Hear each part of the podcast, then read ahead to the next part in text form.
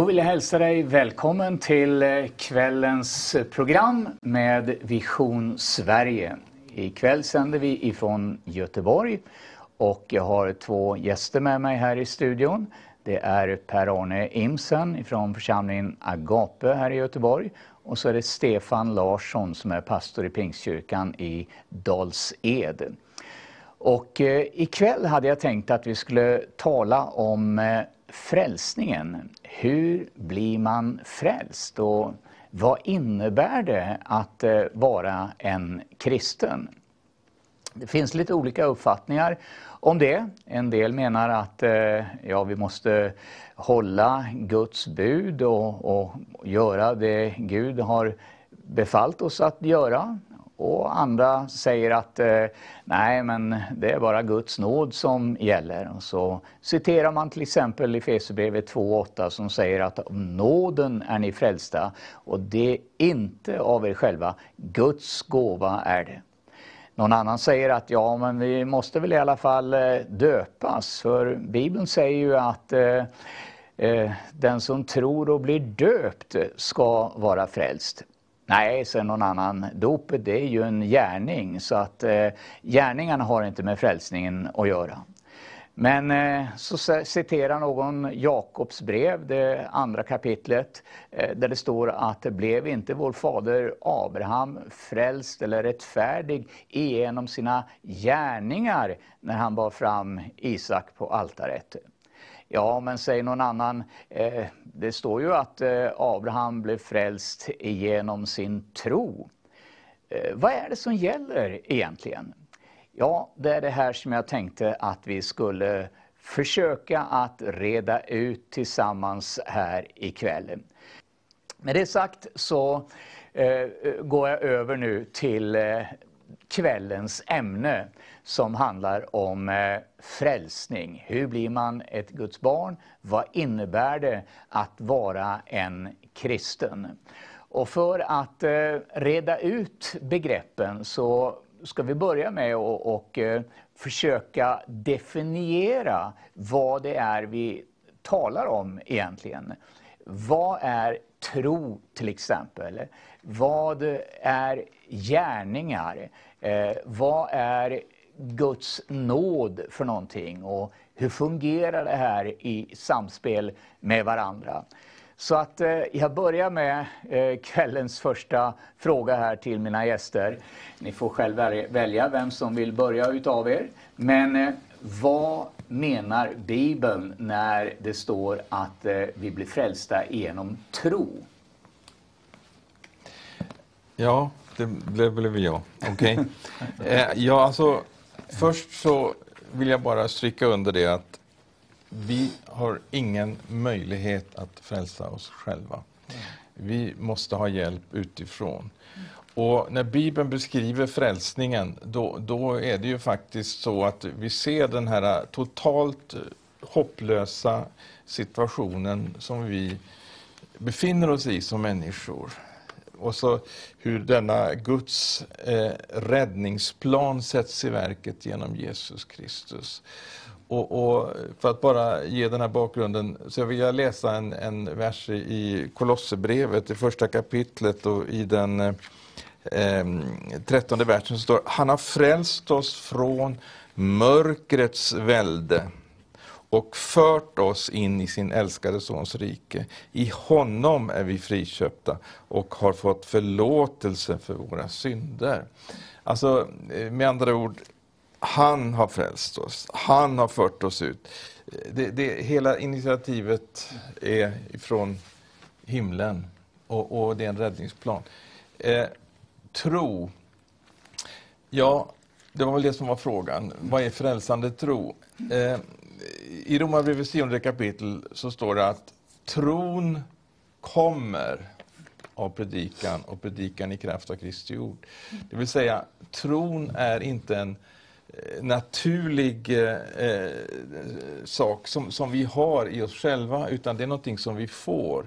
Och, och den här tron, alltså den här frälsande tron, tron kommer. Den finns inte, men den kommer genom predikan och predikan i kraft av Kristi ord. Så att när vi får höra evangelium och när den helige Ande får liksom eh, röra vid oss genom att ordet blir levande för oss, eh, då, eh, och vi sätter, då kommer detta med tron också. Så att tron är en gåva. Det är en dyrbar gåva. Amen. Ja. Va, vad är det vi ska tro på för någonting? Jesus säger eh, eh, det första han, han gör när han går ut i tjänst, så säger, så säger han omvänd er och tro evangelium, säger han. Och, och det är stort såklart. Det är ju alltså det glada budskapet om att, att, att Gud sände sin son eh, för att klara upp någonting som vi inte kunde, det som mm. Per-Arne var inne på. Mm. Eh, utan, utan det som Jesus gör, gjorde, så är det kört. Då är det hopplöst förlorat. Och eh, det är det vi ska tro på. Vi ska tro att det är sant och vi, vi ska leva som om det vore sant också. Och det kommer vi säkert in på. Mm. Ja. Många har ju den uppfattningen att eh, eh, ja, jag tror på Gud, säger man. Eh, räcker det? Eh, nej, inte om jag får svara så, så räcker inte det. Utan eh, det står ju faktiskt på något ställe att att även, i Jakobsbrevet tror jag, att även de onda andarna tror och de bävar, står det. Mm. Och, så det hjälper inte dem. Det hjälper dem ingenting. Utan eh, det ska till, eh, eh, man ska tro på det som Jesus gjorde på, på Golgataverket och sen så, så, ska man bekänna det också, står det. Och så ska man leva i det och, och det kommer vi säkerligen till också. Mm. Ja. En, en, del säger då att eh, ja, men, eh, jag, jag kan inte tro. Vad, vad svarar man en sån person? Ja, som jag sa tidigare, det stämmer ju. Vi kan inte tro. Eh, utan det är någonting som vi får. Tron kommer av predikan. Och predikan i kraft av Kristi ord.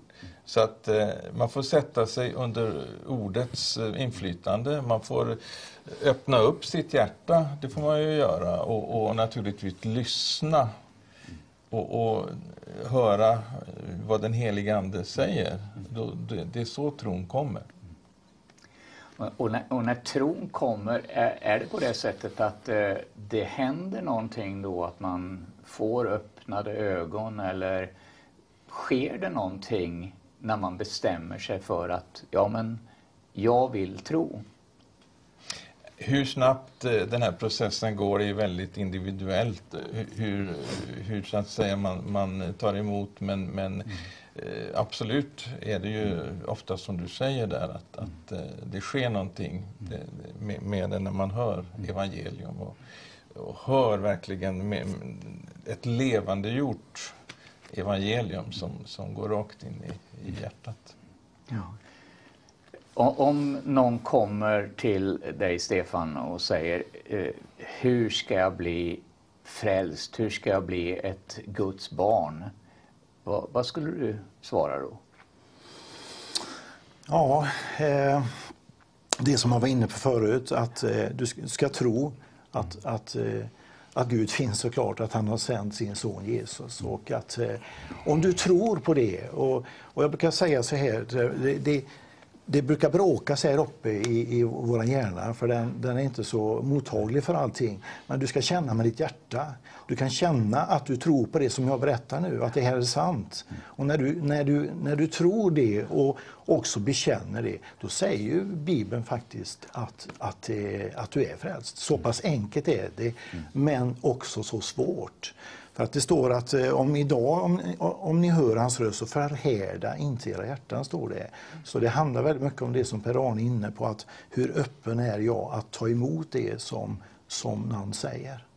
Mm. Men det är väldigt enkelt egentligen. Ja. Är det ju. Mm.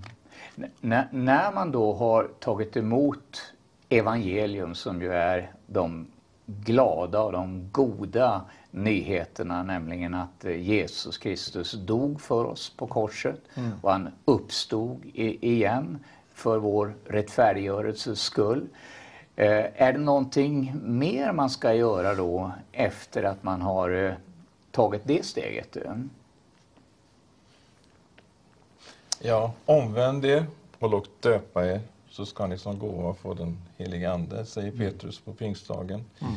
Och det är ju viktigt. Dopet eh, är väldigt viktigt, absolut. Va, vad är det vi ska omvända oss ifrån?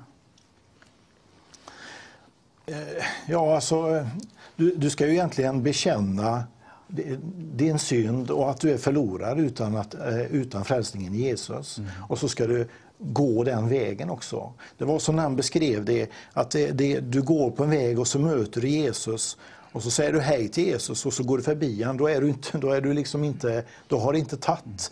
Men du ska vända med och gå med han. Eh, Alltså, det betyder att, att, att ordet, allt det som Gud har sagt i sitt ord, det blir mer och mer verklighet genom den helige Ande som Per-Arne var inne på här. Så, att, så, så tänker jag.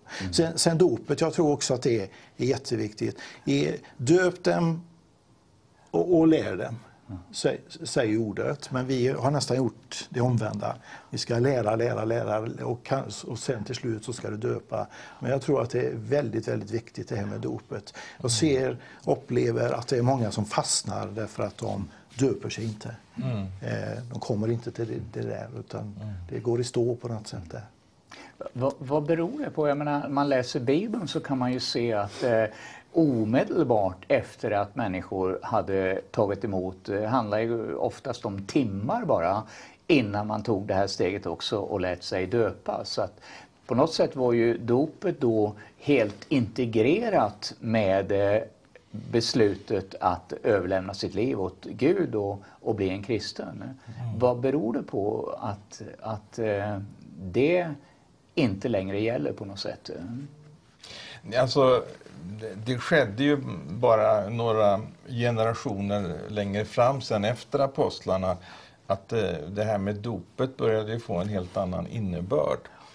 Och det är ju egentligen utifrån det synsättet, om man talar om den objektiva nåden, att själva pånyttfödelsen finns i dopet. Eh, och och det, den här, alltså dopet, eh, om man får då, några droppar utav det här heliga vattnet på sig så blir man pånyttfödd.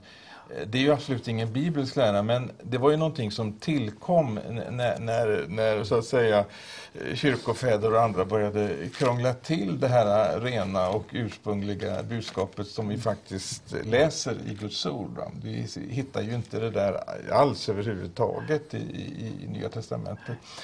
Och, och I och med den här förändrade synen då, både på, för, på nyttfödelse och dop och, och det som sedan kom i spåren av det eh, har ju liksom skapat en helt förvrängd bild av frälsningen överhuvudtaget.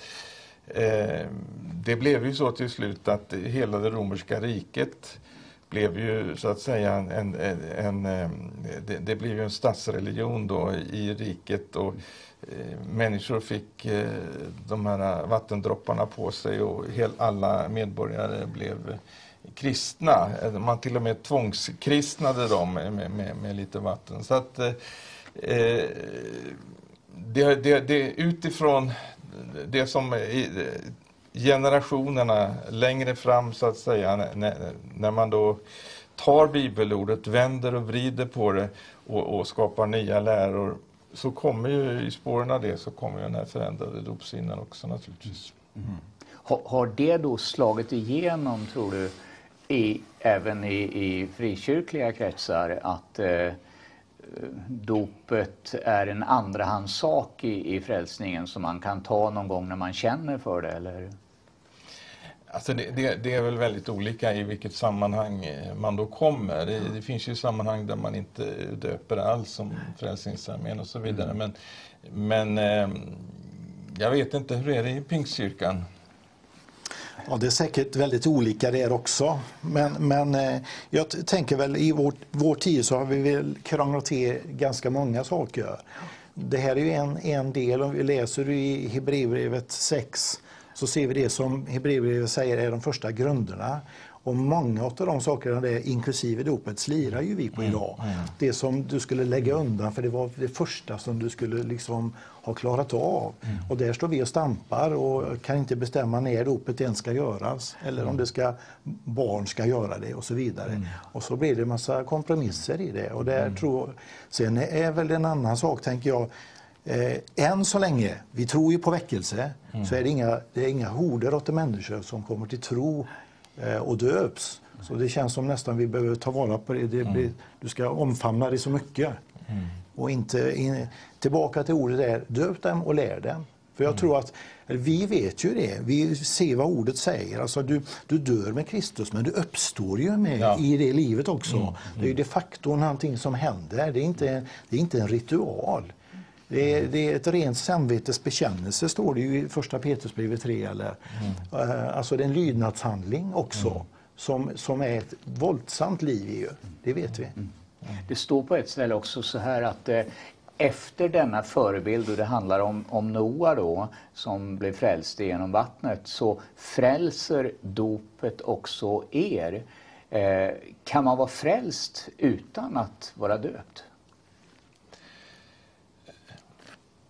Tar det. Ja, alltså det är frågan. Hur gick det med rövaren på korset? Eh, Det, det, jag vet inte vad man svarar på den frågan, men det är klart om man eh, får undervisning om att man måste bli frälst och döpt och inte låter döpa sig, då undrar jag hur det är. För rövaren på korset var ju en väldigt unik Ja. eh, situation egentligen. Absolut. Han hade inte möjlighet en gång. Eh, Men ja. Eh, ja, det var väldigt intressant att höra. Eh, Och eh, om man tänker sig då att Bibeln säger att vi är frälsta genom nåd så undrar jag vad innebär Guds nåd för någonting? eh? Är, är, det, är nåden, är det någonting som vi liksom kan luta oss emot som en kudde eller innebär det att Gud ser mellan fingrarna att inte han är så nogräknad? Eh, Gud är liksom kärleksfull och barmhärtig så att eh, det funkar ändå. Alltså jag, jag skulle vilja säga att nåd, jag tänker mig rättegången, det, det handlar om benådning. Och eh, det, det eh, alltså vi, vi kommer som syndare och det står att vi är under fördömelse, vi, vi är under domen. Men så blir vi frikända, inte på grund av vår egen förtjänst eller förträfflighet, utan på grund av Jesu Kristi rättfärdighet. Och det är ju det som handlar om att rättfärdiggörelsen, som, det står om i, i Romarbrevets femte kapitel, så, fint där i, första versen, att eh, då, eh, när vi nu har förklarats rättfärdiga av tro, har vi frid med Gud genom vår Herre Jesus Kristus. Alltså, det, det handlar helt enkelt, nåden, det handlar om att vi utan att ha förtjänat det så blir vi frikända. Eh, hela, eh, det står ju i Kolosserbrevet också att eh, det här eh, anklagelseskriften, den blev naglad fast vid korset. När Jesus hänger där så, så tar han våra synder i sin kropp och, och, och vi är av med hela vårt skuldregister där vid korset. Det är nåd. Mm. Amen. Ja. Eh, och eh, då säger en del att eh, ja men eh, tänk vad, vad stor Guds nåd är så att eh, har vi bara blivit frälsta då, då kan vi leva på det resten av livet och så gör man en lära utav det som går ut på att en gång frälst, alltid frälst. Så har man bara blivit en kristen då, då är man det för resten av livet. eh. Nej, det finns ju klart bibelstöd på att så inte, är, är det inte. Utan det är, om du går till Hebreerbrev 6 där så står det ju även där om att, eh, att eh, det, det finns möjlighet eh, att liksom tappa det som vi kallar frälsning. Då. Men jag vill, vill gå till ett annat bibelord som jag, är, jag tycker är fantastiskt. Allt bibelord är gott men det står så här i, i, i, i Titusbrevet eh, andra kapitlet och elfte versen, elfte och tolv, så står det så här. Ty Guds nåd har uppenbarat sig frälsning för alla människor.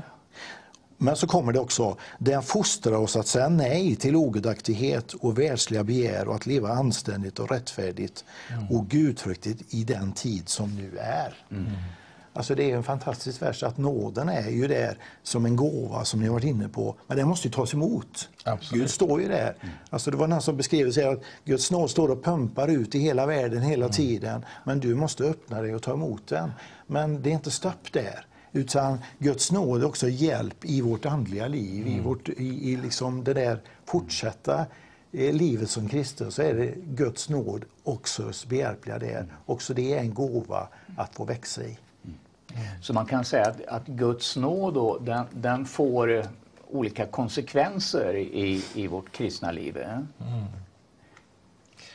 Ja, absolut. Det var ju som eh, Stefan läste här att eh, nåden, den verkar på olika sätt, den fostrar oss.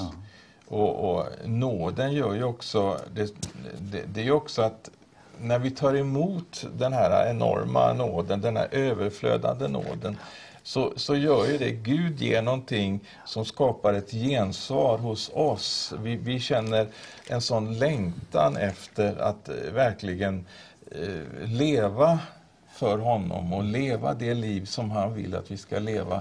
Och, och så ger han oss nåden och han ger oss den heliga Ande och han hjälper oss och, och han verkar i oss både vilja och gärning. Så att nåden, det står att hans nåd är varje morgon ny och vi lever av nåd. Allt är nåd he, hela vägen men inte nåd för att liksom leva kvar i synden eller nåd för att leva slarvigt. Det, det är absolut inte det det handlar om för då har vi missförstått vad nåd är för någonting. Ja, så tillbaka till vårt ämne här för kvällen, frälsning. Och vi har talat om tro, vad tro är för någonting och hur den fungerar. Vi har talat lite grann om Guds nåd. Men så talar Bibeln också om gärningar. Och det här kan vara kanske lite motsägelsefullt eh, om man plockar ut bara vissa bibelställen. Och ett bibelställe som talar just om gärningar, det är Jakob 2 och 21, där det står Blev inte vår far Abraham rättfärdig genom sina gärningar när han bar fram sin son Israel, eh, Isak på altaret? Och i vers 24, ni ser alltså att människan erkänns som rättfärdig genom gärningar och inte bara genom tro. Och Jesus säger ju också att eh, inte kommer var och en in i himmelriket som säger till mig Herre, Herre, utan den som gör min himmelske faders vilja. Och Jakob talar om att tron utan gärningar, den är död. Så det skulle vara väldigt intressant att höra eh, vad ni säger om det här. Hur hänger gärningarna ihop med frälsningen? Jag tror att ord förklarar ord. Så står det så här i Efesierbrevet 2 då, som jag citerade förut, att ty av nåden är ni frälsta genom tron, inte av er själva, Guds gåva är det, inte på grund av gärningar. Inget som vi kan förtjäna, alltså inget göra, för att ingen ska berömma sig, står det. Och så kommer det, ty hans verk är vi, skapade i Kristus Jesus till goda gärningar som, vi, som Gud har förberett så att vi ska vandra i, i dem. Eh, så är det. Eh, vi kan inget göra för att bli frälsta. Men när vi har blivit frälsta så blir det ett utlopp. Det är det som Jakob pratar om. Att det är en, en tro som inte har ett utlopp, som inte, som inte Guds ande verkar så att det blir synligt någonting annat, något nytt. Det är inte en tro, då är det, då är det någonting annat. Mm. Ja.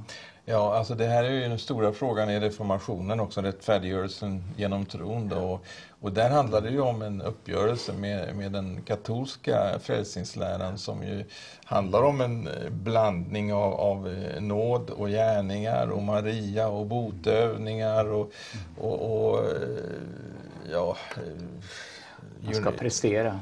Ja, radband och bikt och avlat lat och mekaniska böner och allt möjligt alltså som vi ska göra då för att eh, och det är ju samma idé som finns eh, hos mormonerna som säger att eh, Jesus har till viss del försonat oss men för att eh, det ska bli en tillräckligt god kvalitet på det eviga livet så måste vi lägga till gärningar. Så att det är ungefär på samma spår. Men, men eh, vad Bibeln säger det är ju detta att vi blir rättfärdiggjorda genom tron och att inte genom gärningar. Men sen är det klart, om vi har blivit på nytt, om vi har fått det nya livet. Eh, jag tänker på, på, på någon som är nyfödd och den liksom bara ligger som en eh, död, helt orörlig. Alltså, det är ju någonting som hör till livet, som förväntas att det börjar, det kommer ett liv, det börjar röra sig och, och sparka och, och, och, kanske skrika och, och så småningom växer det till och, och, blir mer och mer. Alltså det är någonting Gud har berett gärningar, alltså på samma sätt som vi föds till det nya livet och växer till så, så sker det också en, en, en eh, mognad på det sättet att eh, vi gör det som är Guds vilja. Mm. Så att, eh, och det är ju trons gärningar som det handlar om, absolut. Kan man säga att det, att det finns olika typer av gärningar? Att, att Bibeln då talar om de gärningar som handlar om att vi liksom slår oss för bröstet och, och, och, tycker att vi själva har varit tillräckligt goda och vi har gjort det och det så vi, vi bör förtjäna frälsning på mm. grund av allt gott vi har gjort. Och att det är de gärningarna som inte frälser oss. Mm. Men de gärningar som, som Bibeln säger är ett tecken på tro är de gärningar som kan liknas vid frukten på ett träd. Ett mm. träd som har liv, det, det får också frukt. Mm. Mm. Ja, så, såklart. Och så, så tänker jag säga att just hur djupt ändå rotade människan är i det här att du ändå ska prestera någonting. För hur ofta hör vi inte, och vi kanske själva också hamnar ibland, att nu förtjänar jag inte längre nu gjorde jag någonting fel här, mm. så nu, nu gick det inte längre. Då visar jag ju att, att jag lite grann är fast i det där med gärningar. Ja, och hur, behöver, hur ofta behöver vi inte bli frälsta ifrån det? Ja. Att det har inte med det att göra. Mm. Men det, alltså det, när livet har tänts då, då, går det inte. Vem, vem, kan dölja staden på berget? Ett, ett ljus som lyser kan du inte. Utan Alltså, när någonting har skett, när Guds ande har tänt det där ljuset i oss, då kommer det att synas. Då kommer det att, och, och, väldigt ofta är det väl så att vi själva kanske inte ser det så mycket, utan mm. det är de bredvid oss som, som ser mm. att oj, det, det förändrades, mm. nu hände det någonting här.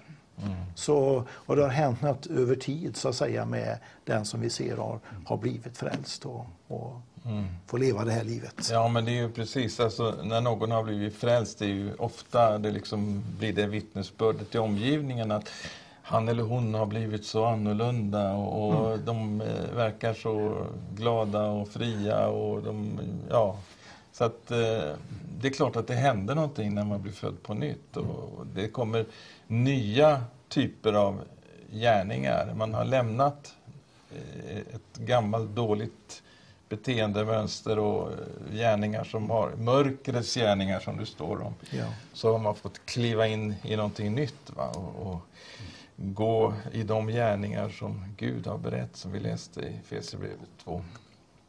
Var det här också som var ett problem i, i den första församlingen när man hade kvar väldigt mycket utav den judiska traditionen och Mose lag och, och saker och ting som man upplevde att man måste lägga till i frälsningen för att eh, bli riktigt godkänd utav Gud. Eh?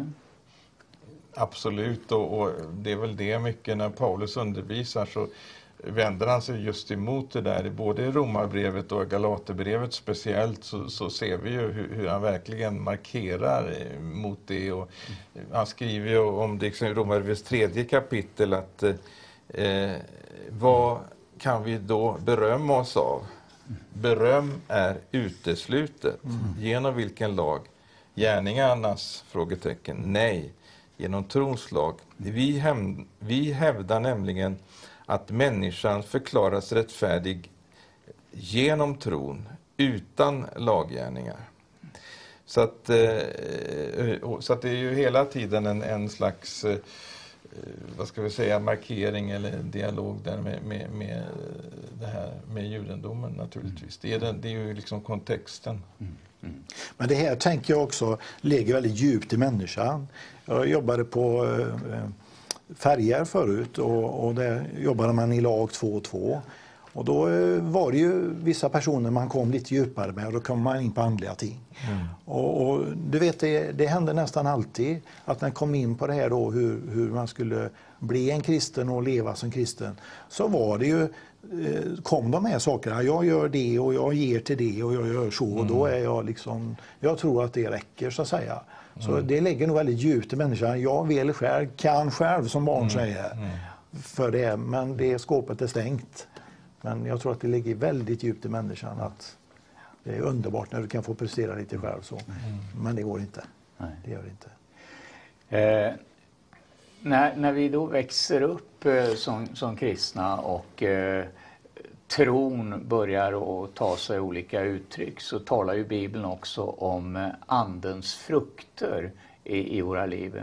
Eh, vad, vad, är det för någonting?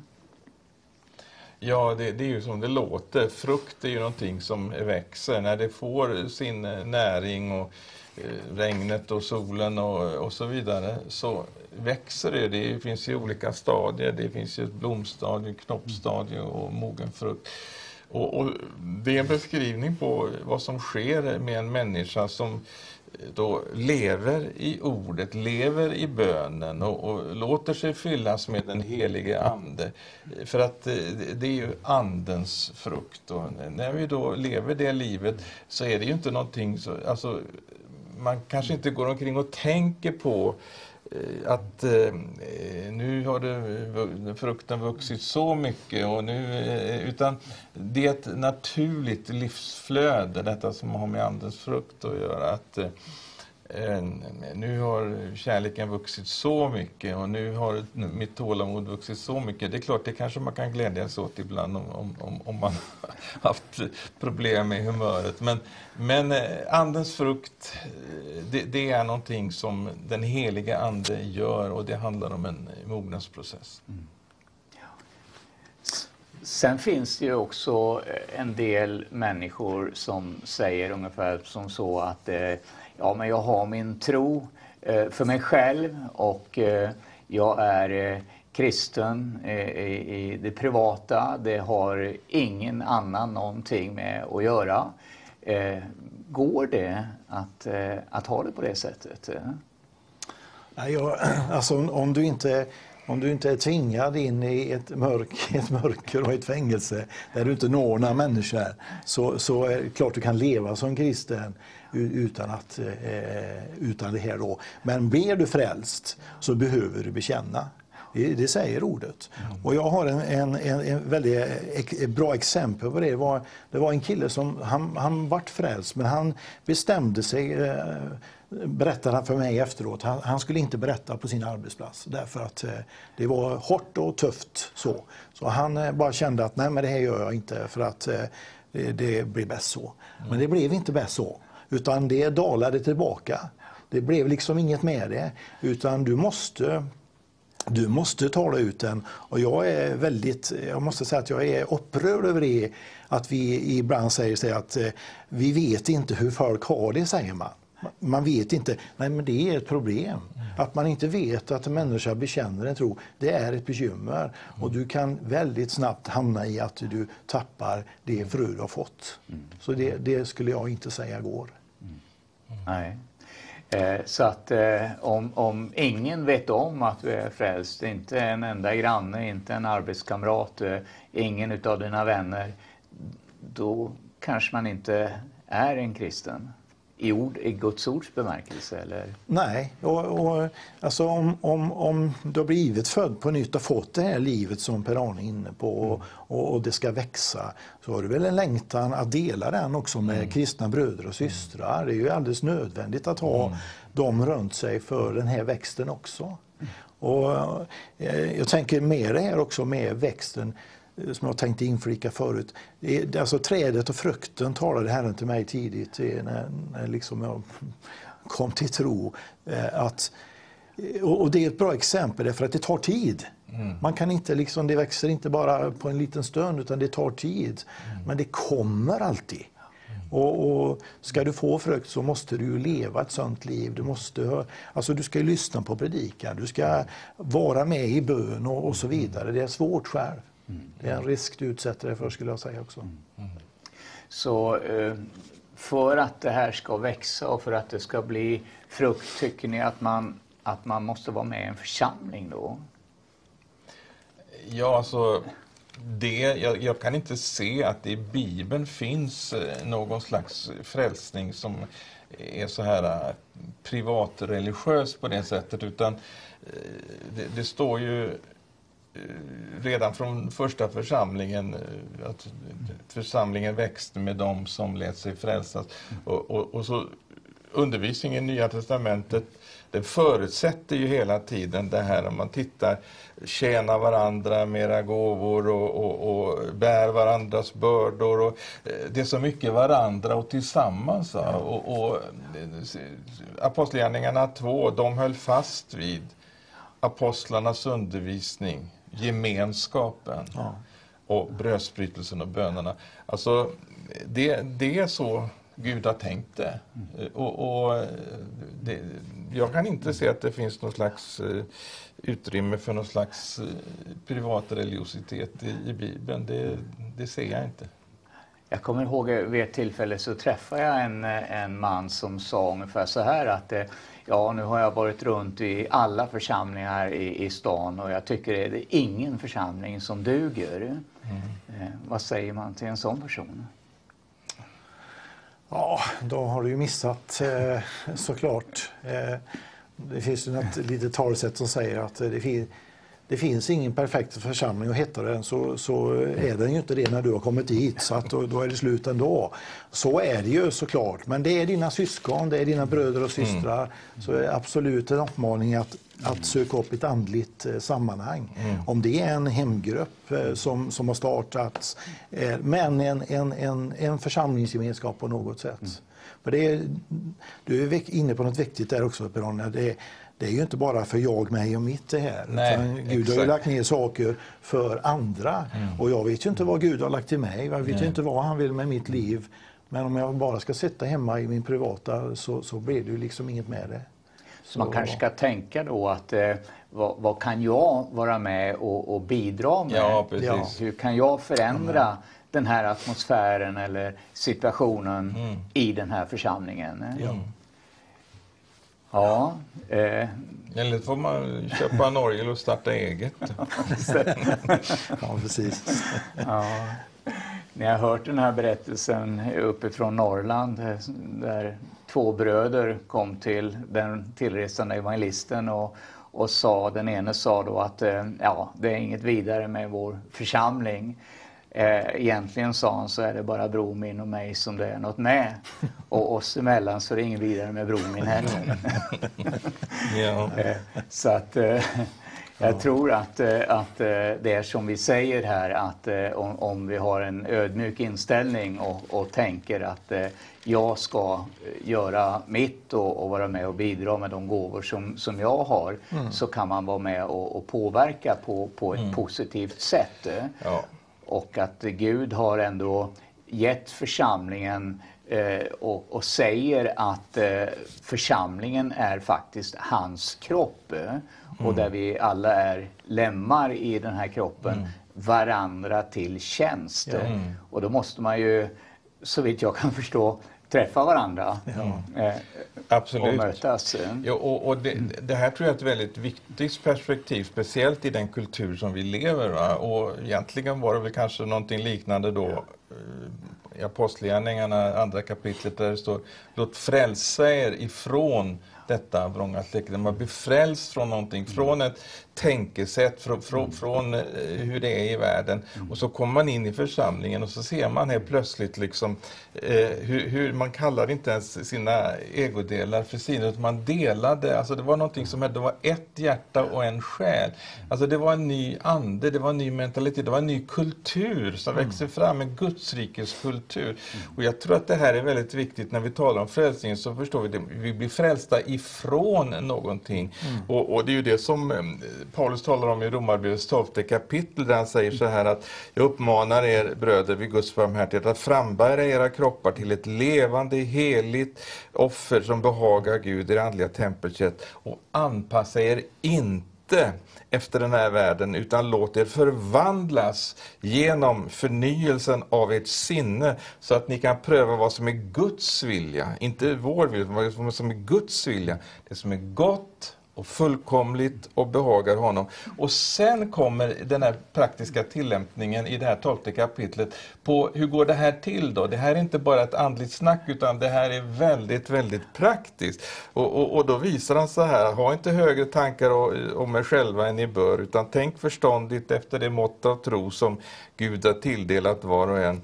Och, och så säger han att med var för, för sig är vi lämmar varandra till tjänst och vi har olika gåvor och allting handlar om att eh, tjäna varandra, älska varandra uppriktigt, avsky det onda, håll fast vid det goda, var innerligt tillgivna mm. varandra i syskonkärlek, överträffa varandra i ömsesidig aktning, var inte tröga när det gäller nit, utan var brinnande i anden och tjäna, och tjäna Herren, var glada i hoppet, tåliga i lidandet, uthålliga i bönen. Hjälp de heliga med vad de behöver. Var ivriga att visa gästfrihet och så vidare och så vidare. Det är ett långt kapitel, men en liten smakprov där. Så att vad, vad, det handlar om, det är så långt ifrån det här eh, privata eh, livet och e ego liksom, eh, centrerade som finns i kulturen. Eh, Gud har tänkt att han, han vill upprätta ett folk till sitt namn. Amen. Och där vi gemensamt ska liksom demonstrera Guds mångfaldiga visdom genom olika gåvor som är olika varandra. Precis som i kroppen så är det olika organ som kompletterar varandra. Mm. Och så har Gud tänkt med sin församling. Därför behöver vi varandra. Amen. Amen. Jag tänkte på det som står i Apostlagärningarna 16 också om, eh, om fångvaktaren som blev frälst. Mm. Och eh, det står ju då att eh, omedelbart så, så lät han sig döpas mm. och eh, sen resulterade det i att han tvättade deras sår men inte nog med det, utan han tog upp dem och förmodligen bodde han i en lägenhet ovanför fängelset. Så att han tog upp till eh, fångarna, Paulus och Silas då, och dukade ett bord för dem. Så att omedelbart så blev det praktiska konsekvenser mm. i att han hade blivit frälst som, som tog sig uttryck i en kärlekshandling. Mm. Och, och, det står ju också att eh, tron är verksam genom kärlek. Ja. Så kan man se om en människa är frälst? Ja, du har ju svarat på det själv. Ja. Så, såklart är, är det på det sättet. Och jag, alltså det kommer till mig en tanke när du beskriver eh, församlingen Ja, det blir ett brandtal för församlingen egentligen. Så, så tänker jag på när, när Jesu bröder och systrar kom och mamma kom för att vilja prata med Jesus. Så mm. säger Jesus så här, vem är mina bröder, vem är mina systrar? Det är ni, ni som tror. Mm. Ni som liksom lever det här livet, det är ni som är det. Så det är ju väldigt hög, mycket högre väg mm. än vad vi ha, har gjort det till. Mm. Eh, Alltså man ska gå tillbaka till ökenfäder och en det ena och det andra. Men jag tänker att vi behöver alltid gå tillbaka till, till början och se hur, hur, hur det var då. Och jag längtar efter den kraften i församlingen så att det blir lite likt i alla fall. Om det nu inte blir precis, så att det blir lite likt ja, det där. När till och med plånboken blir frälst så att du, ja. inte, du är inte så noga på. Och du var inne på det där med förvaltare. Det är ju, alltså det, man blir ett rör som det går igenom bara. Mm. Och, och så lite det färgar ju bättre det är det. Mm. Men, men det här med församlingen, jag tror, tror på det, alltså det där brandtalet du var inne på, mm. att lyfta upp det. Det är en fantastisk gemenskap. Mm. Människor i alla åldrar som aldrig skulle träffas annars. Mm. Men helt plötsligt så finns det några där och de vandrar i kärleken som du säger, det är ju därför vi är där, annars så finns det ingen mm. möjlighet. Gud har älskat oss och vi kan älska och därför, är vi, därför, vi, därför vi älskar Jesus. Och så älskar vi varandra. Det är ju tecknet. Mm. Har jag inte det i mitt liv, om jag inte älskar mina bröder och systrar och andra, mm. då har jag inte livet. Nej. Det har jag inte. Inte tillräckligt i alla fall. Och sen kommer ju till det här, eh, som vi talar, vi talar om det praktiska men så kommer ju de andliga gåvorna. Ja. Och, och, du sa att Gud ger åt var och en någon särskild gåva. Ja. Och så ser vi liksom den här kompletteringen också när, när det gäller detta och gudstjänsten och när ni kommer tillsammans har var och en något särskilt att meddela. Alltså, eh, det, det, det, det handlar om alla lemmar aktiva. Alla, det, det, är inte någon som alltid talar och några som alltid lyssnar. Utan Gud har tänkt att församlingen ska vara levande. Att det är levande lemmar som är med och, och, och på olika sätt är med. Och, och, och, lever det här livet, församlingslivet, som Kristus har tänkt med sin församling. Amen. Det längtar vi efter och, och, önskar att vi ska få vara en, en del utav och, och betjäna varandra och, och, uppleva hur den heliga Ande smälter oss samman i, i den här tiden. Mm. Vi pratar ju om frälsning här ikväll och jag ska läsa en bibeltext ifrån Apostlagärningarna 10 som eh, beskriver det här på ett, eh, ett bra sätt.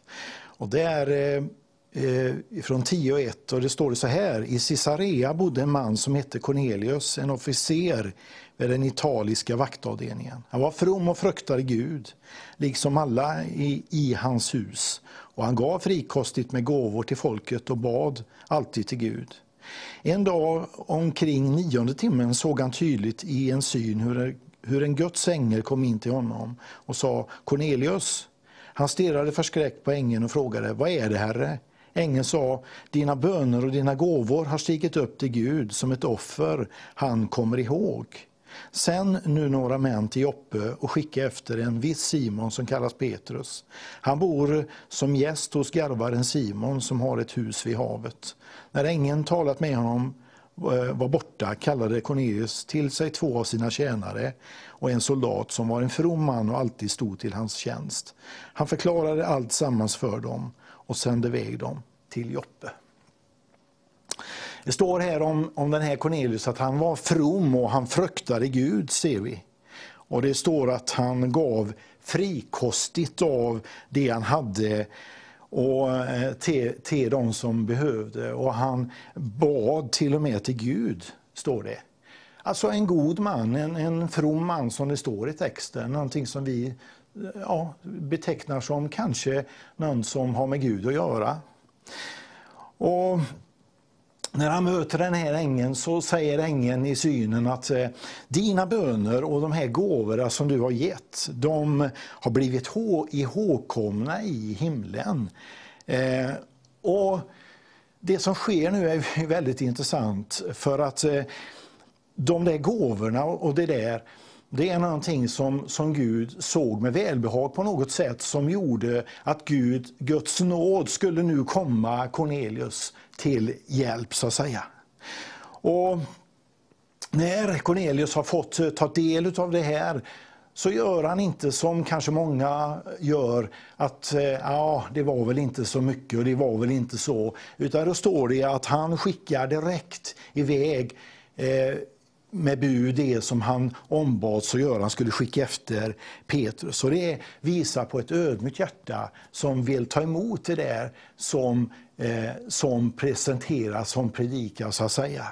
Och det som sker här nu det är ju egentligen det att man kan tycka att den här mannen, han behövde väl inget, han bad ju till Gud och han gav och han hade allt det där.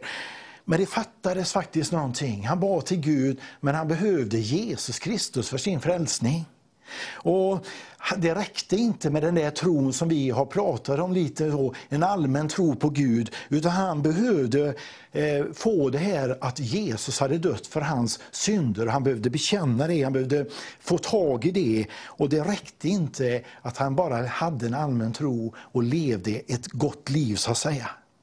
Så jag skulle vilja säga så här också att det är två olika delar i det här. Det är till dig som ännu inte har tagit emot Jesus som din personliga frälsare. Men det är också till dig som är ledare, pastor eller du som får förmånen att, att predika och förkunna.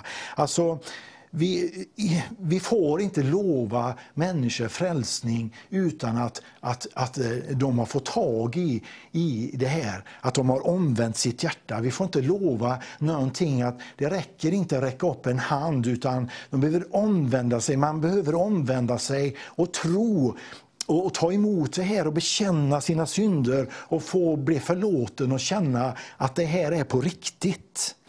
Och Det som sker i berättelsen det är ju när Petrus predikar så sätter de tro, de börjar tro, det händer någonting i Cornelius hjärta och i de andra som är där. Så att det står att de, blir, de får den heliga Ande över sig. De börjar tala i tungor helt enkelt. Så här blir det det omvända, de upplever Andens dop därför att det slör in i deras liv. Eh, det är så att anden kommer över dem och sen så dröjer de inte utan de döper sig också. En fantastisk berättelse om att det räcker inte att ha en allmän tro på Gud utan du behöver ha det här med Jesus, att Jesus är den som har kommit för att rädda det som har förlorat. Ta det in i ditt hjärta, ta emot det, ta emot den frälsningen och bekänn den och säg ja, jag vill bekänna, jag vill ta emot och så vill jag börja följa dig Herre. Och så dopet, att du tar det, det ser vi också, det skulle man ju kunna strunta till det om det inte var viktigt. Men de gjorde det också därför att det är en väldigt viktig sak. Du lägger ditt gamla liv och så uppstår du till ett nytt med Jesus Kristus. Och det är de facto någonting som händer där. Du vet, Jesus han, han, han säger, om ni törstar, kom till mig. Så det är vad du kan göra. Om du är törstig så får du komma till Jesus och få ta emot det där goda som han, han har. Det står om en berättelse i Gamla Testamentet, i första Kungaboken, ehm, eh, 18, 19, 18 är det. Och där står det om Elia när han går till rätta med basprofeterna.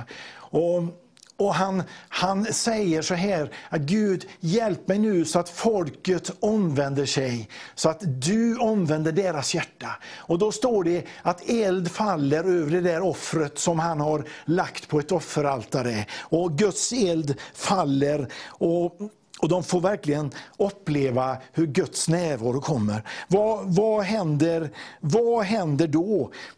Jo, då händer det faktum att då säger alla de där att det är Herren som är Gud, säger folket. Det är Herren som är Gud. Och, och då, säger, då, då, då, skulle ju Elia kunna tänka sig att han är nöjd med det där, att de bara upp säger att det är Herren som är Gud. Men det gör han inte, utan han säger ta alla de här basprofeterna och gå ner till bäcken och dräp dem där. Allt med andra ord, du måste ta bort allt gammalt i ditt liv och börja följa Gud och Jesus på riktigt. Och det visste Elia, det behövde ske det här därför att annars så blev det liksom ingenting med det. Och den, den, här berättelsen kom till, till mig på en bönesamling nu för en vecka sedan. Och jag kände att, eh, att, att jag vill förmedla ett, ett tilltal till dig som redan är kristen, som kanske är likt det här folket som, som, som berättas om i den här berättelsen, som haltar på bägge sidor som det står. Du har Gud men du har också väldigt mycket annat. Och väldigt mycket annat har tagit sig in i kristenheten. Vi, vi, vi lyssnar på en det ena och en det andra. Och vi lyssnar på sådana förkunnare eh, och, och, och ledare som tar ställning mot det som Guds ord säger är fel. Det går inte. Du behöver göra upp med det där för att du ska få en levande tro. Du behöver göra upp med allt det där som, som, som hindrar ditt liv. Du behöver verkligen ta bort det så att Gud kan få göra någonting nytt i ditt liv. Och han vill hjälpa dig med det. Han vill, han vill komma dig till hjälp. Och Eh, det är dags att du sorterar bort det som är fel. Du sorterar bort de förkunnarna som, som nästan predikar rätt. De har felaktigheter för sig och du tycker att det, det gör väl inte så mycket. Det gör väldigt mycket. För det är, är det inte helt och fullt evangelium så räcker det inte för att människor ska bli frälsta.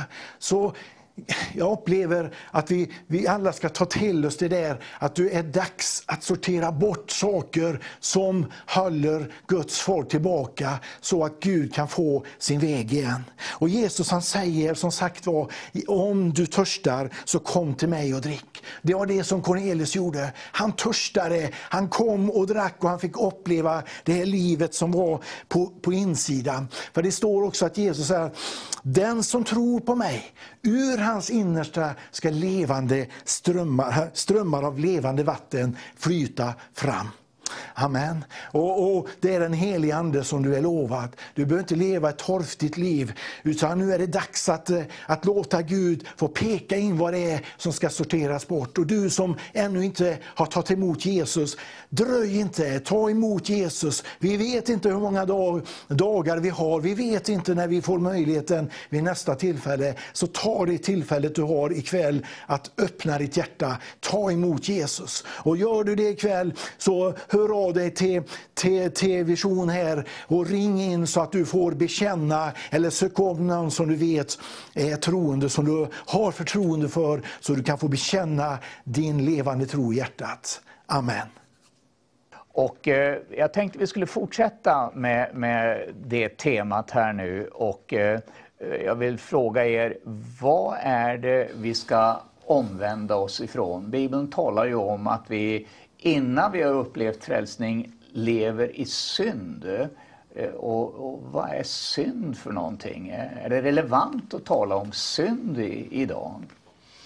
Ja, det är det absolut. Och, och, eh, alltså frälsningen det innebär ju ett helt nytt liv och det som vi har sagt tidigare här att man blir omvänd, det innebär 180 graders man, man vänder om ifrån ett gammalt liv med allt vad det representerar och, och, jag tänker inte räkna upp någon syndakatalog, det gjorde man mycket förr, men det handlar helt enkelt om att lämna ett liv, en livsstil som, som tillhör världen och, och, och det som är naturligt i, i den här kulturen, det är inte naturligt i Guds rike. Och vi har också nämnt om det tidigare här. Det är ett nytt liv och framförallt så handlar det om att göra Jesus Kristus till Herre. Mm. Eh, I världen så är det så, då är det egot eh, som det handlar om och det är självförverkligande, det är människan som sitter på tronen. Men eh, när man blir frälst, då blir det tronbyte. Då får man kliva ner själv och så får Jesus sitta på tronen och så är det han som är min Herre och, och min kung som eh, leder mig. Och, och, eh, då blir allting väldigt annorlunda kan jag säga. Det blir väldigt annorlunda, en helt annan eh, inriktning på livet. Mm. Så att synd är helt enkelt allt det där andra. Det, det, kan betyda att missa målet. Det, kan, det finns olika sätt att, att tala om synden. Men... Förut så, så talar man ju kanske mera just om, om att vi var syndare och att vi behöver uppleva förlåtelse från synden och vi behöver uppleva frälsning och vi behöver bli rättfärdiggjorda. Mm. Eh, vad, vad är det för någonting? Ja, Ja, alltså, jag har skrivit om det här i min bok, Inga andra gudar. Mm. Eh, så tar jag just upp det här ämnet och, och, jag tar fram som exempel Frank Mangs. För han är ju faktiskt den person som har varit med om den största väckelsen i Norden under de senaste hundra åren. Och då kan det vara intressant att se, eftersom det blev så otroligt mycket människor frälsta när han predikade, så kan man ju fundera, vad, vad predikade han då? Vad var det för predikan han hade? Eh, och det, det, var ju absolut ett väldigt tydligt evangelium och eh, han säger själv så här, han skrev en bok, Är du en kristen? frågetecken. Eh, och den skrev han på 30-talet när väckelsen liksom eh, gick fram. Och så säger han så här, jag är tvungen att tala om denna sak eftersom vi har så mycket villfarelse på detta område i våra dagar, alltså på 30-talet. Det är ju inte speciellt annorlunda idag. Skaror av religiösa bedras av andra och bedrar sig själva på denna punkt. Man tror ibland att man kan ta syndernas förlåtelse och slopa sinnesändringen. Du kan inte ta nåden och lämna sanningen. Du kan inte ta löftet och lämna villkoret. Det är mycket modernt i våra dagar, alltså 30-talet. Man klyver Guds ordet mitt i tu.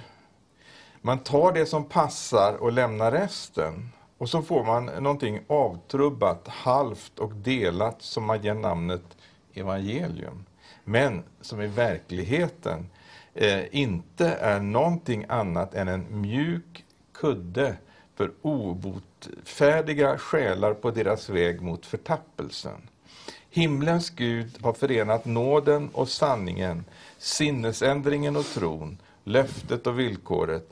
Och vad Gud har förenat, det må människan inte åtskilja. Människa, förstår du inte att om du slopar det ena och tar det andra så lever du inte på nåd utan på en lögn? Så skrev han då på 30-talet. Och eh, det var ju naturligtvis radikalt eh, eh, efter våra dagars mått i många sammanhang där man har så här eh, eh anpassade gudstjänster och sökarvänligt och så. Men jag, jag, ser inte att Jesus predikade på det sättet som eh, man kanske gör i många gånger idag när man eh, blir så väldigt försiktig.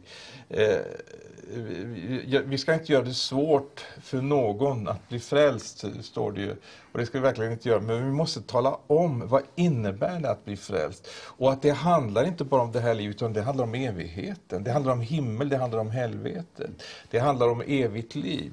Så, så att det, det, det, är så oerhört viktigt att få liksom, det, det rätta perspektivet på vad frälsningen är för någonting. Det är inte som att gå med i i en trivselklubb eller, eller eh, få, få eh, träffa eh, vänner där man kan dela gemensamma intressen och så vidare. Det handlar om någonting radikalt nytt. Mm. Mm.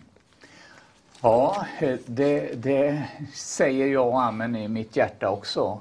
Eh, och, men, men idag så är det kanske inte så populärt att, att tala just om det här att vi är syndare eh, som behöver uppleva nåd och, och frälsning.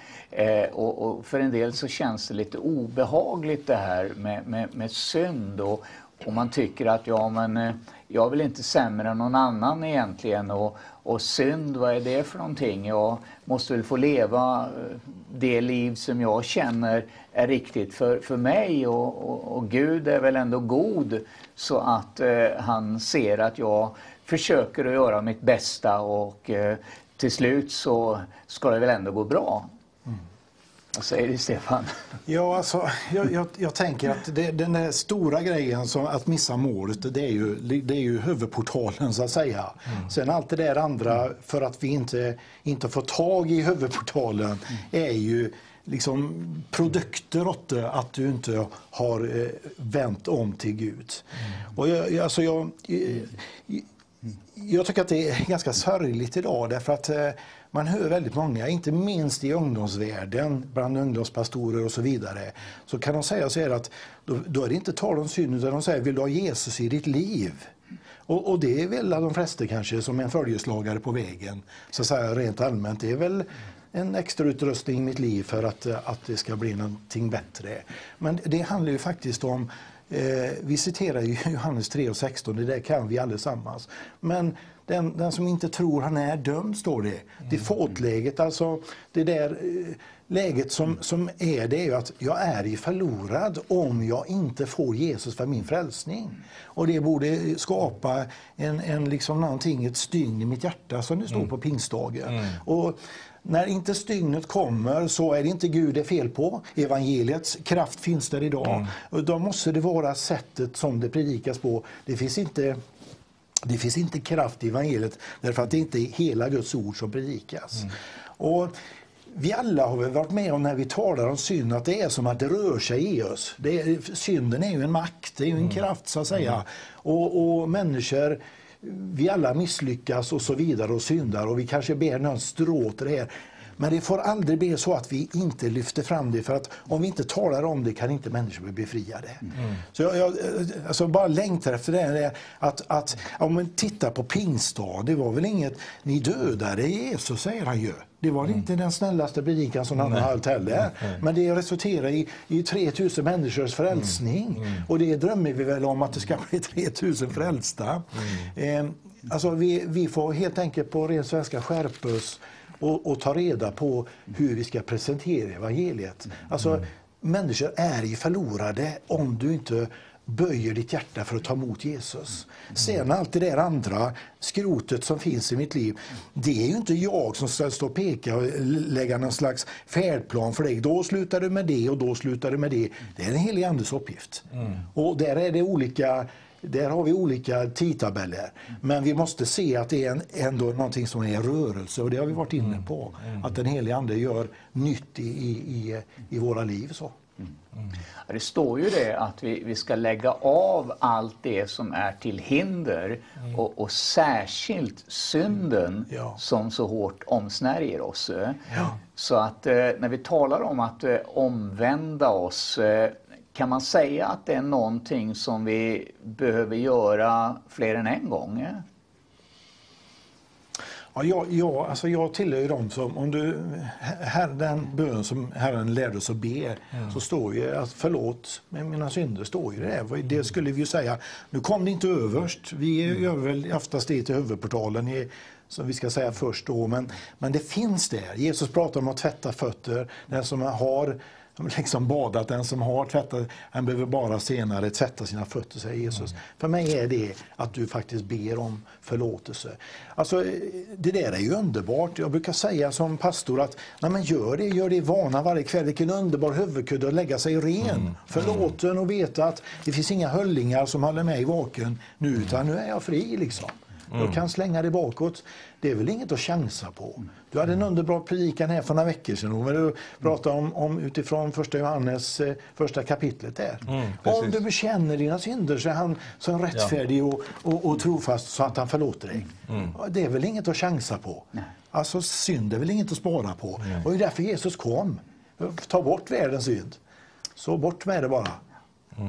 Ja, det är bra. Och, och när du nämner nu första Johannes, det första kapitlet, så är ju det brevet riktat till de redan troende, Ja. till församlingen. Ja. Det framgår ju klart när man ser, eh, han skriver här i, Ja. i, i början på, på kapitlet, och som du säger, om vi bekänner våra synder, alltså säger han till, om sig själv och de han talar till, är han trofast och rättfärdig så att han förlåter oss våra synder och renar oss från all orättfärdighet. Men jag tänker på en annan sak. Resultatet utav att man liksom har tappat den här kraftiga förkunnelsen som du exemplifierade då pingstdagen. Petrus talade så att de fick stygn i hjärtat och frågade vad ska vi göra? Alltså utan den predikan så hade ju de frågorna aldrig kommit. Och, och, och eh, Det hade ju aldrig blivit det resultatet. Men just genom ordets förkunnelse och, och den kraftiga förkunnelsen så blev det den situationen. Och jag tänker,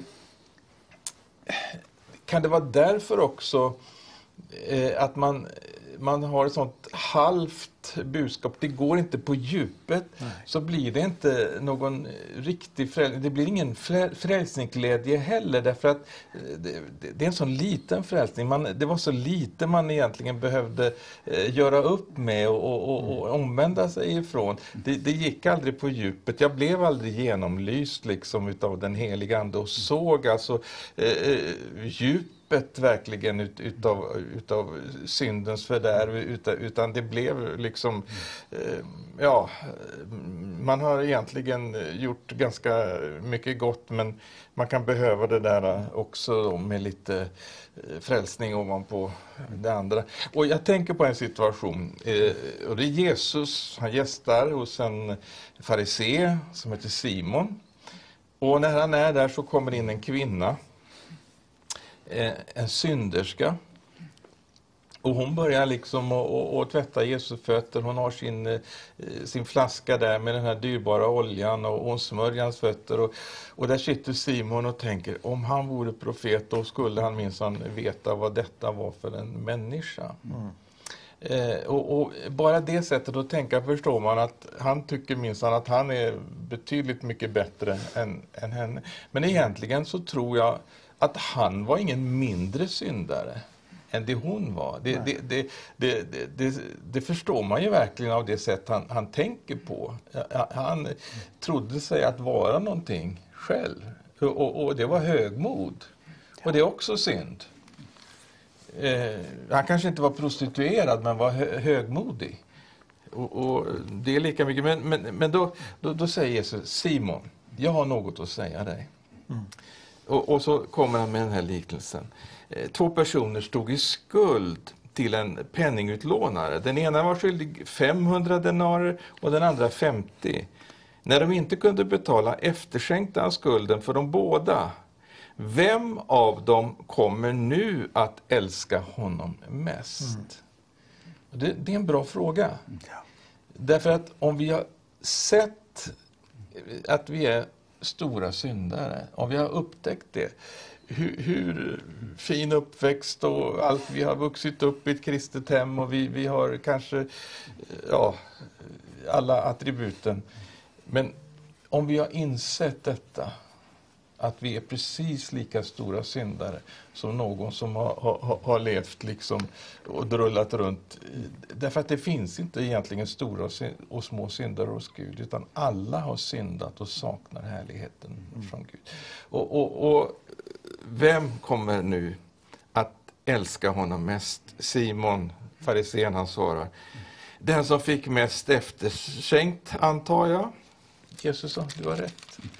Och, och här tror jag det här med frälsningsglädjen kommer in. Ja.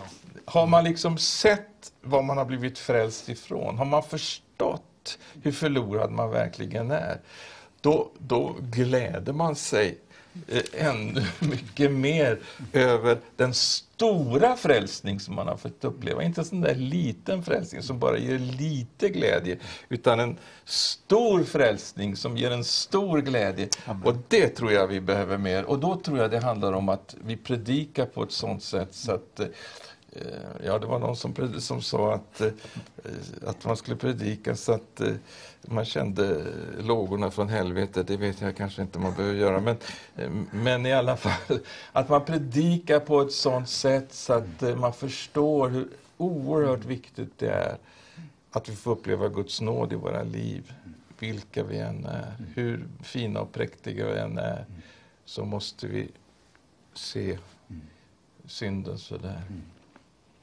Väldigt fin eh, bild det där. Och, eh, det är väl eh, det som många gånger saknas också i, i, i många församlingar och som gör att eh, attraktionskraften till eh, Gud och till frälsningen inte alltid är så stor.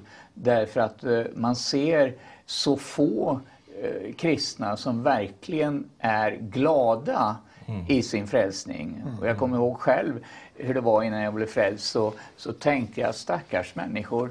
Det, jag undrar vad det är för bördor de går och bär på. De verkar inte ha en lycklig stund, eh, i alla fall inte på mötet. Då liksom blev man väldigt allvarstyngd och eh, eh, skulle liksom då visa att man var kristen genom att se lite betyngd ut. Mm.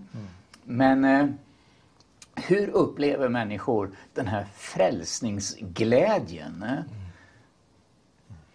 Ja, det, det, är ju på det enkla sättet som, som eh, Per-Arne är inne på. Att, eh, alltså när, när du får, när, du, när, när ditt hjärta inre får klart för sig att du har blivit kvitt den synd som står i vägen mellan dig och Gud och den nåd som vi har talat om, då bör, för det står ju att kärleken är utgjuten i vårt hjärta genom den helige Ande, står det. Mm. Mm. Och det är inte vilken kärlek som helst, utan det är Guds kärlek som mm. han planterar in. Och skulle den då inte vara fylld till glädje? Jo, men det är klart att den är. Mm. Så att det, på något sätt så måste det ha med kraften i det som kommer till mötes, det är väl inte stor, så stor kraft då, utan det är för liten kraft. Mm. Så jag, jag, får inte in det tillräckligt på något, något sätt.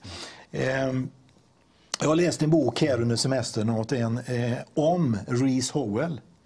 Eh, en sån där som inte är, inte är det där kändaste namnet, men fanns i ytterkanterna på väckelsen. Eh, dog 1950, flyttade till Herren då. Förbönens makt, eller? Ja, precis. Jajamensan. Mm. Och, och, och, och, han fanns med i en församling och pastorn säger så här om den här killen. Den finaste jag har, han är den bästa. Han är den bästa ungdomen som jag har där. Och då var han inte frälst. Mm. Utan han, han blev liksom, han, han, fick förkunnelse in i sitt hjärta och han kände att Gud knackade på hans dörr. Han hade flera dagar, veckor innan det släppte och han kunde bara säga, ja nu är jag frälst av nåd och han kunde förstå det här i sitt hjärta. Jag tror ibland faktiskt vänner att vi har lite för bråttom. Vi, har, vi, vi vill kassera in x antal individer här på kvällen. Nu är jag här och predikar, jag vill se resultat. Och det är inte så det funkar, utan det är anden som överbevisar om, om, om det här.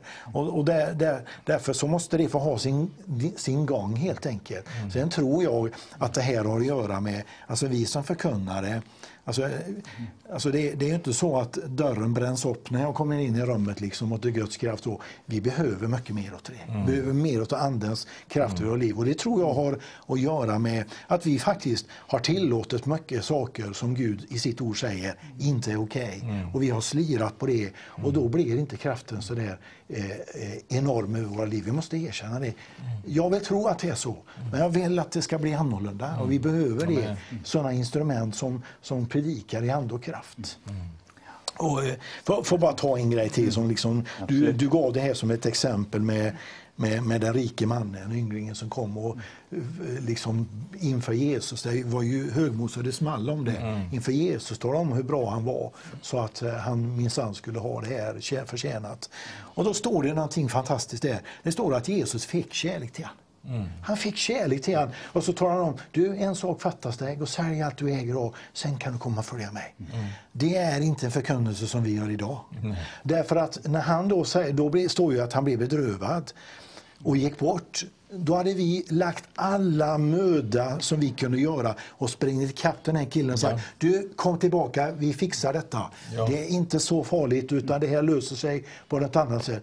Men det står att Jesus han fick kärlek till honom mm. och, och, och satte in precis medicinen, precis lämpad till den sjukdom han hade, synden, för mm. att han skulle bli fri. Mm. Det är evangeliet. Och, och, och, där, där behöver vi drabbas mer av den här kärleken så att vi kan göra rätt avvägningar. Mm. Att anden kan säga, nu får du säga det här. Mm. Så att folk kan bli fria helt enkelt. Mm. Amen. Ja, kan, så kan det, vara, det, var väldigt intressant just det här med, med den här rike man, unge mannen som vi kan läsa om i Matteus 19. Eh, och att, att Jesus faktiskt inte försökte sänka trösklarna nej. för frälsningen och, och, och, säga att nej men, eh, vi tar en liten bit i taget eh, och eh, så småningom så, så kommer du säkert att växa in i det här. Och kan det vara så också att vi ibland är så angelägna om att människor ska komma till tro så att vi lockar med fel saker. Mm. Mm. Kom till Jesus så mm. får du det och det. Ja men exakt och, och, och, det är väl lite grann som har kommit de sista decennierna på ett speciellt sätt kan man väl säga genom framgångsteologin och så. Va? Där, där man eh, ofta just utlämnar omvändelseförkunnelsen och istället då har alla de här utfästelserna om att eh, eh när du blir kristen så så kommer allting eh, att bli eh, bättre och, och du tjänar den största guden och han, han, han, kan liksom ge dig mer än vad världen kan ge och, och, det måste visa sig att du har en finare bil än grannen och ett finare hus. Och alltihop det här, det, det är ju ett bedrägeri. Mm.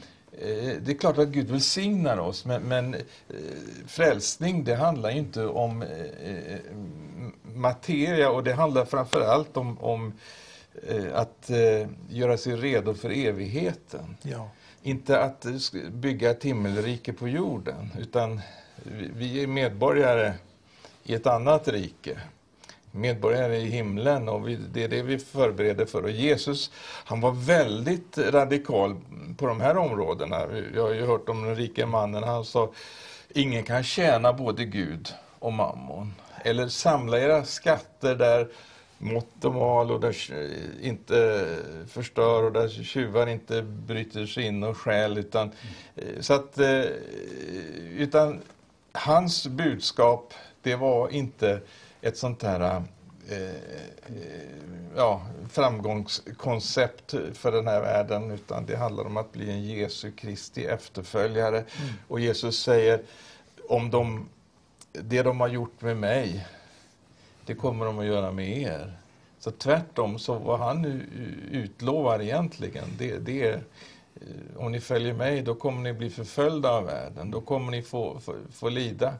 Men eh, han talar också om någonting underbart som de som står tillsammans med honom här i tiden, då, då har han så att han eh, farit upp till himlen och han har berett en plats för att jag vill att där jag är, där ska ni också vara. Så att eh, vi har mycket underbart som väntar. Underbart. Eh, Jesus säger ju också att eh, den som vill följa mig, han ska ta sitt kors på sig och så följa mig. Mm. Va, vad innebär det? Att, eh, vad är det för kors vi ska ta på oss? Mm.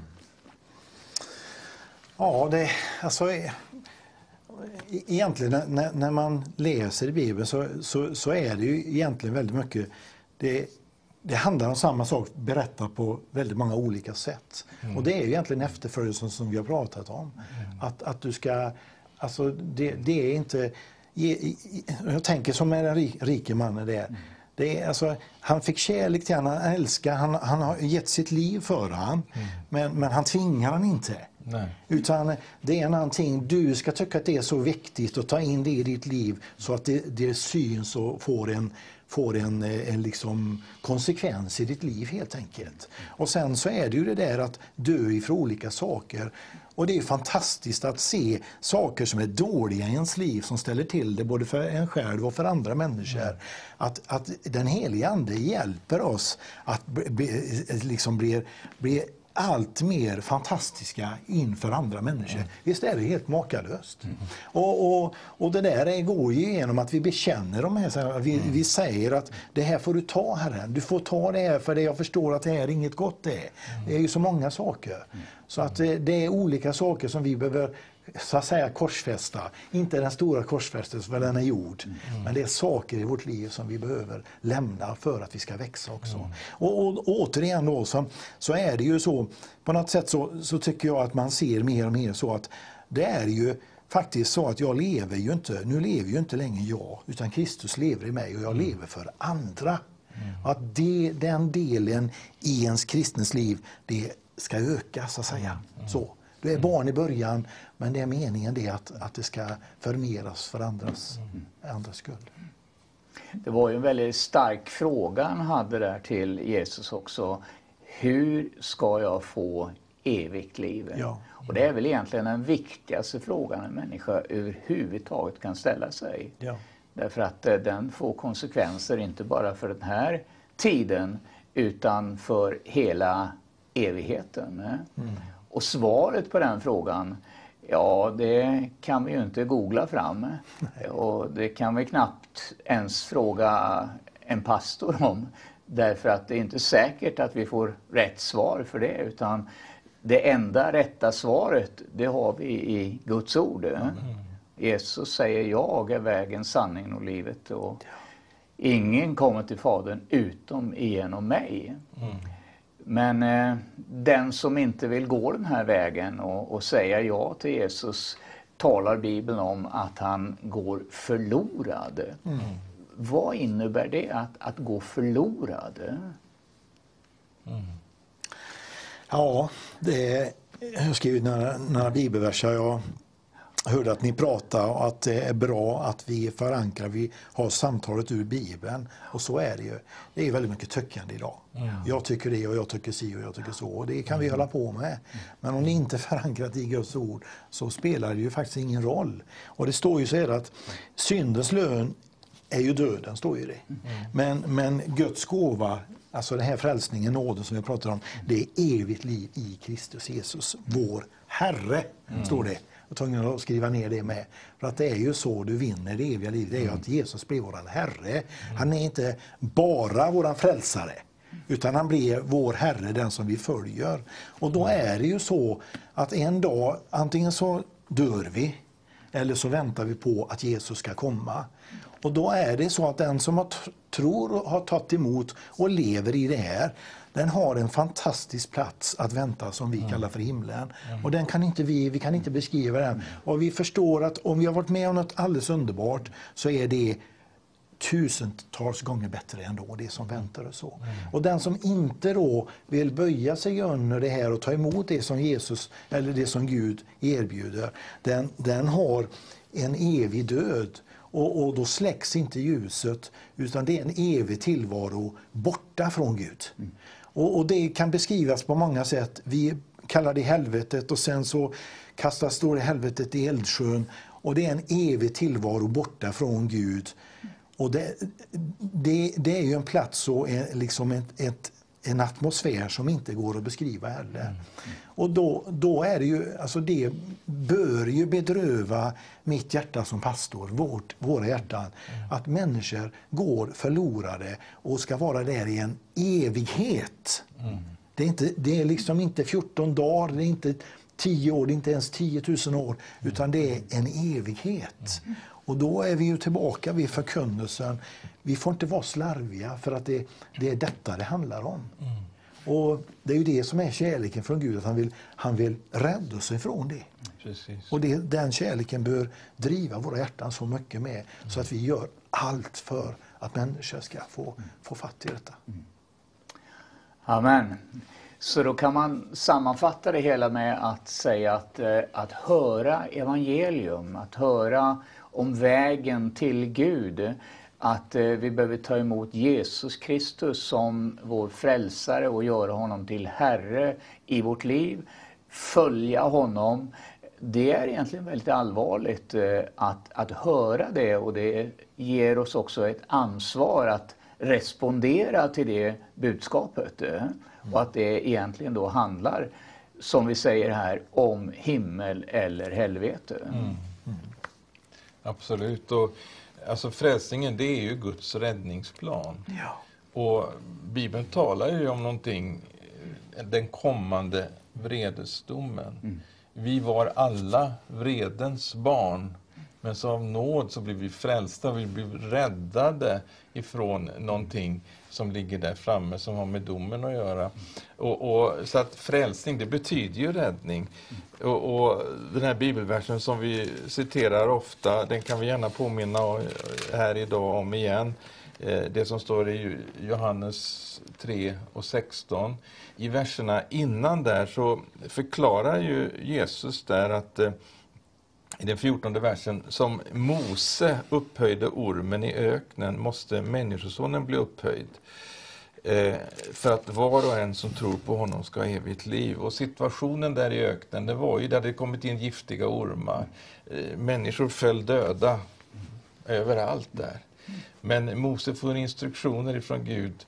Ta en kopparorm, lyft upp den på, på eh, ett trä så att alla kan se den.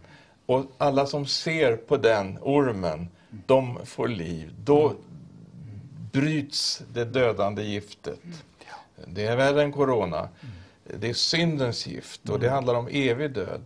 Eh, Men om de ser upp på den ormen, då, eh, ja, på kopparormen, då bryts giftet. Och så säger Jesus så här att, att det här handlar om precis vad som sker med Människosonen när han blir upphöjd på det här trädet på korset.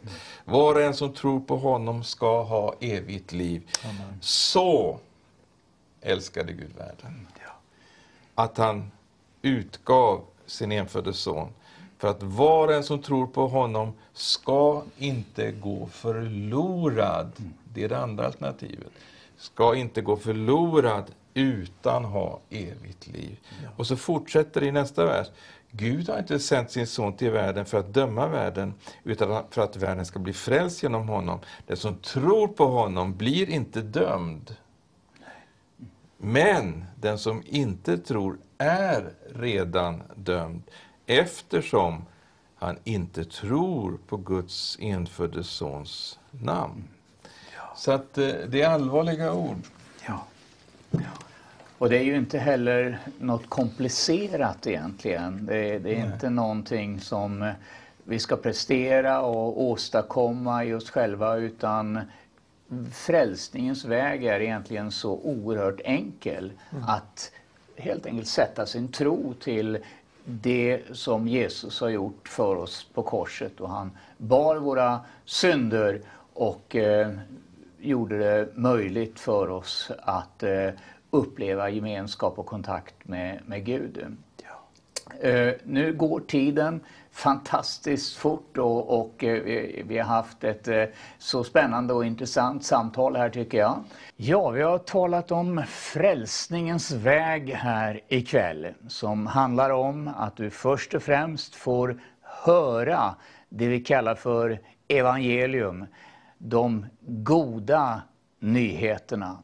Att du sen också tror på det du får höra.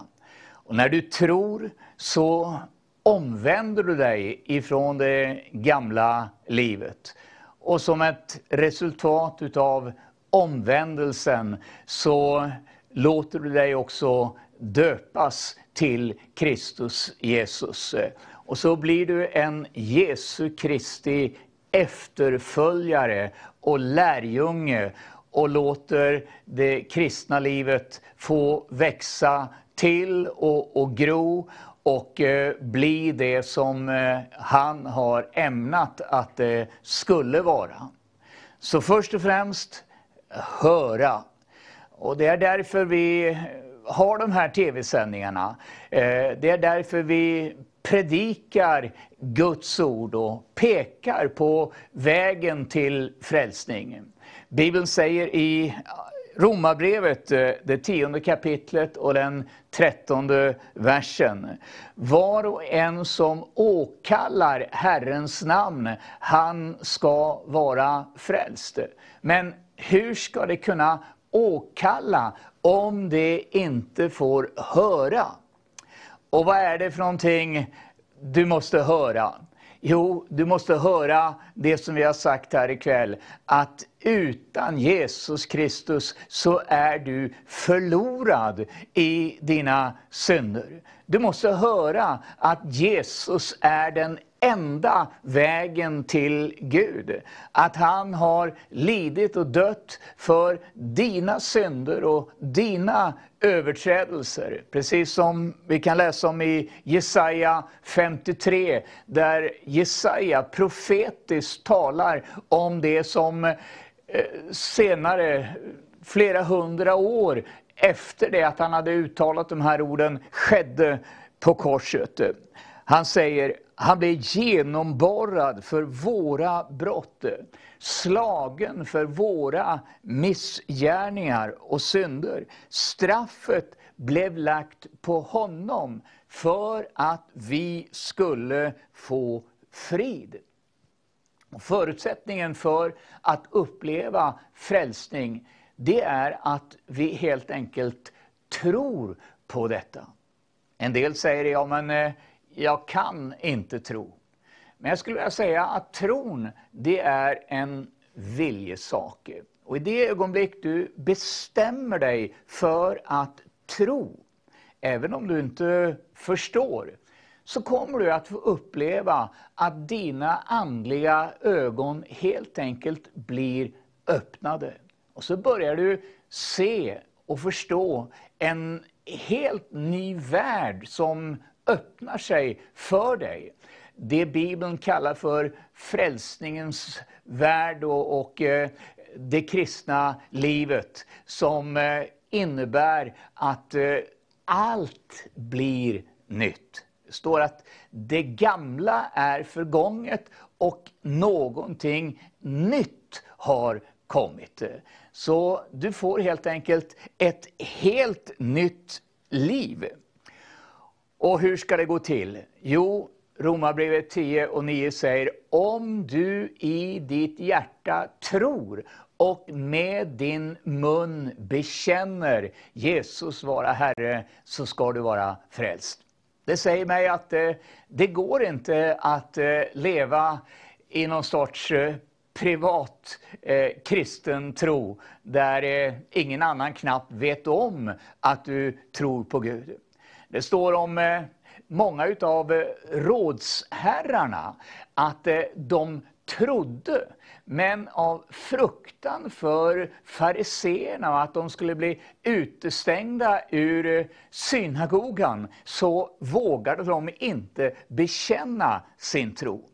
Och en tro som inte är uttryckt på något sätt, ja, det är inte Bibelns tro utan någonting annat. Den tro som frälser oss, det är också den tro som bekänns och som vi vågar stå för i vardagen. Eh, Jesus säger att den som blygs för mig, honom ska jag också blygas för när jag kommer i min faders rike ibland änglarna. Så vi måste våga stå raka för det vi tror på och med vår mun bekänna. Och Det är detta som Bibeln kallar för omvändelse.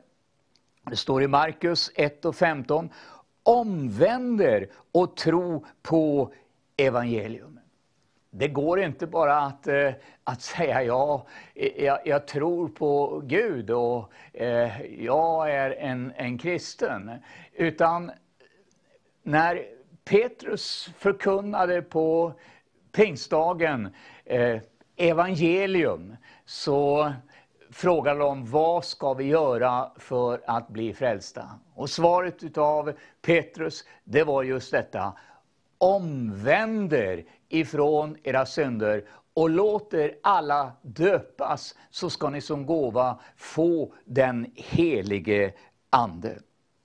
Och Paulus säger i Apostlagärningarna 17 och den 30 versen Gud har länge haft överseende med okunnighetens tider, men nu befaller han alla människor att omvända sig ifrån sina synder.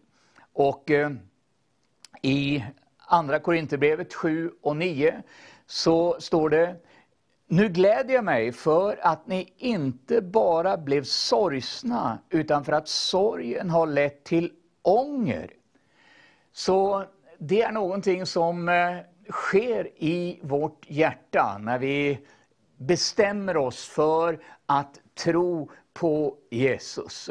Vi ser att eh, utan honom så är vi hopplöst förlorade. Eh, vi är ännu kvar i våra synder och det är våra synder som skiljer oss ifrån Gud. Eh, och vi ser hur eh, smutsiga vi är utan Jesus och den rening som vi kan få uppleva genom honom och genom hans blod. Och, och då känner vi ånger. Men då står det så underbart att ett bedrövat och förkrossat hjärta, det skall Gud inte förskjuta. Eh, men det stannar inte där, utan Bibeln talar om att eh, vi får ett nytt liv. Ett liv som gör att vi blir totalt förvandlade. Det gamla är förgånget och, och någonting nytt har kommit. Eh, så har det inte skett en förvandling.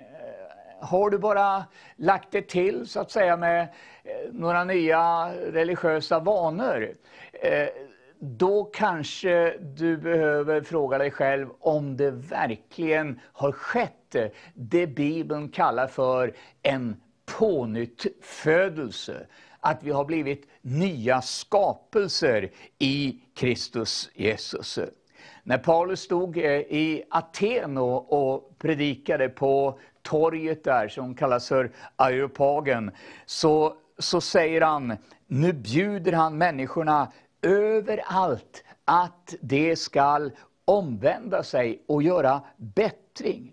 Och när han predikar för konung Agrippa i Rom strax innan han ska avrättas, så säger han att hela Judeen och inför hedningarna så har jag överallt predikat att man måste ångra sig och vända om till Gud och göra sådana gärningar som svarar emot omvändelsen.